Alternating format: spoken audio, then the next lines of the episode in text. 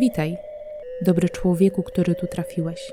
Z tej strony Iza, zwana Nazarią, czyli szukający człowiek w drodze.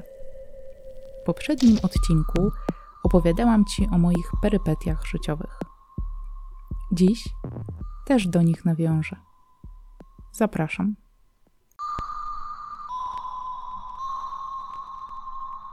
Niezgodna to podcast dla tych, którzy szukają w życiu, w wierze, w relacjach, w drodze. Zapraszam.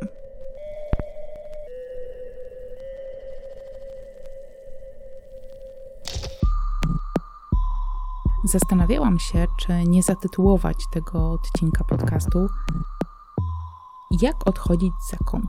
Krótka instrukcja obsługi. Wyobrażam sobie, że gdyby tak brzmiał tytuł, ktoś powiedziałby, że lubię skandale i zwracanie na siebie uwagi. Może ktoś inny, że teraz będę specjalistką od clickbaitowych treści.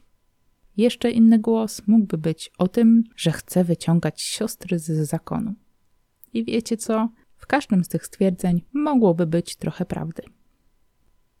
No dobra, a teraz na poważnie. Kiedy mierzyłam się z moim doświadczeniem odchodzenia, a uwierzcie, jest to trudny temat, myślałam o tym, jak bardzo w tym czasie potrzebne jest po prostu wsparcie. Kiedy dziś towarzyszę różnym siostrom w procesie odchodzenia, widzę, jak bardzo potrzebne jest wsparcie. I to takie wsparcie całościowe. Od dobrego słowa, przez dach nad głową, pomoc w założeniu konta w banku czy znalezienie dobrego fryzjera. Rodzi się z tego pomysł schroniska dla sióstr, ale o tym innym razem. Niemniej, jeśli znasz jakąś siostrę, która boryka się z brakiem wsparcia przy podejmowaniu decyzji i odchodzeniu z zakonu, albo sama taką siostrą jesteś, pisz śmiało. Można mnie znaleźć w mediach społecznościowych. Link znajdziesz w opisie odcinka. Czytam i odpisuję na wiadomości, które tam przychodzą.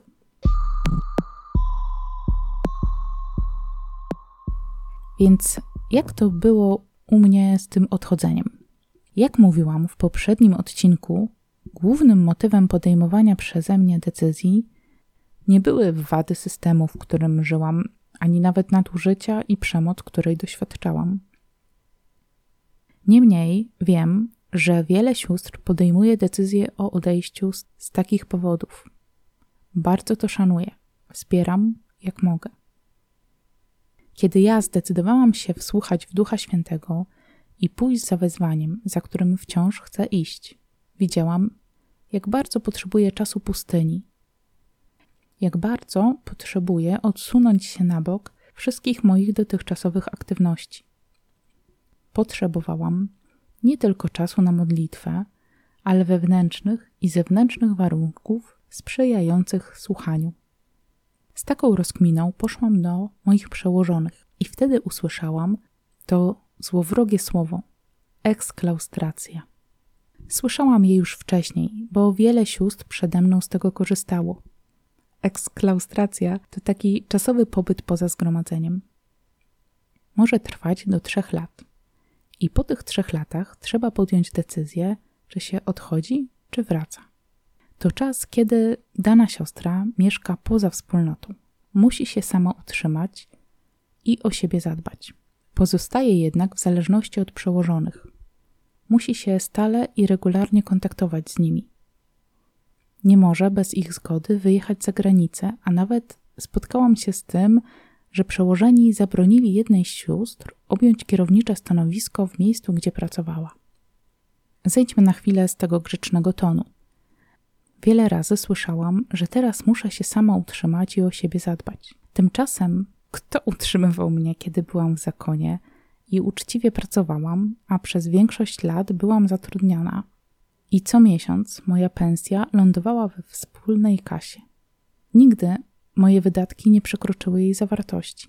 To taka mała dygresja, bo kiedy decydowałam się na życie poza murami klasztoru, słysząc te i podobne stwierdzenia, nie zdawałam sobie sprawy, jakie spustoszenie sieją w moim środku. Eksklaustracja to czas, o który trzeba poprosić przełożone, pisząc stosowne prośby i motywując swoją decyzję. Jakiś czas temu poznałam siostrę, która bała się taką prośbę pisać, bo jej zdaniem nie miała ważnych powodów i nie wiedziała, jakie podać motywacje. Może to, co za chwilę powiem, zrodzi w kimś smutek, ale tak naprawdę nikt nie przejmuje się motywacją sióstr, które rozważają odejście ze swojego zgromadzenia. Przynajmniej w tych przypadkach, w których ja się spotkałam. Widzę, jak liczba takich sióstr rośnie. Rozmawiając z wieloma z nimi, słyszę, że mówią o pragnieniu życia ślubami, ale nie dają rady psychicznie, duchowo czy fizycznie żyć w strukturach, w których są. Nigdy nie spotkałam się z jakąś ewaluacją ze strony zgromadzeń i uczciwym zbadaniem sprawy, co tak naprawdę się dzieje.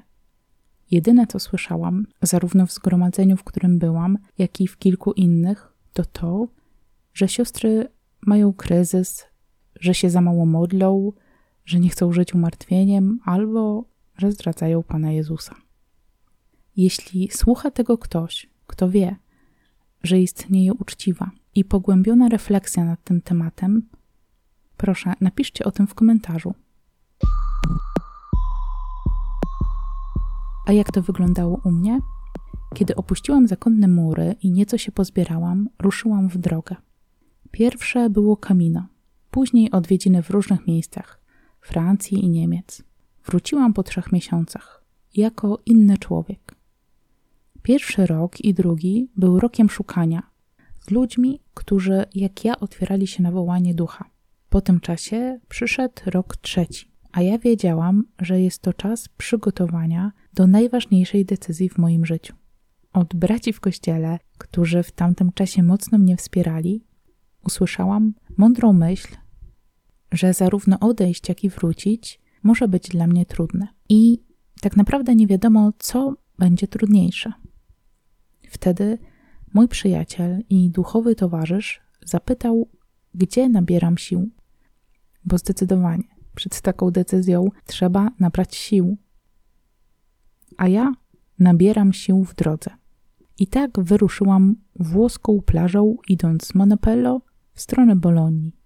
To był niezwykły czas drogi. Później przystanek u przyjaciół we francuskiej ekumenicznej wspólnocie. Z tego czasu wróciłam wiedząc, że chcę tworzyć przestrzeń dla wykluczanych. Miejsce, które będzie jak stół przy kościele. Mówię o tym więcej w drugim odcinku tego podcastu. Do tego stołu chcę zapraszać wszystkich, którzy szukają, niezależnie od ich religii i sposobu modlitwy czy ugrupowań, do których należą. Niezależnie, czy ktoś na szyi nosi krzyżyk, kwiatek czy błyskawice. Wciąż wierzę, że takie miejsce jest możliwe. Jeśli też takiego miejsca szukasz i jeśli temat Cię zaciekawił, zapraszam za tydzień. Póki co, trzymaj się zdrowo, szukaj i bądź sobą. Pozdrowionka. Iza zwana Nazarią.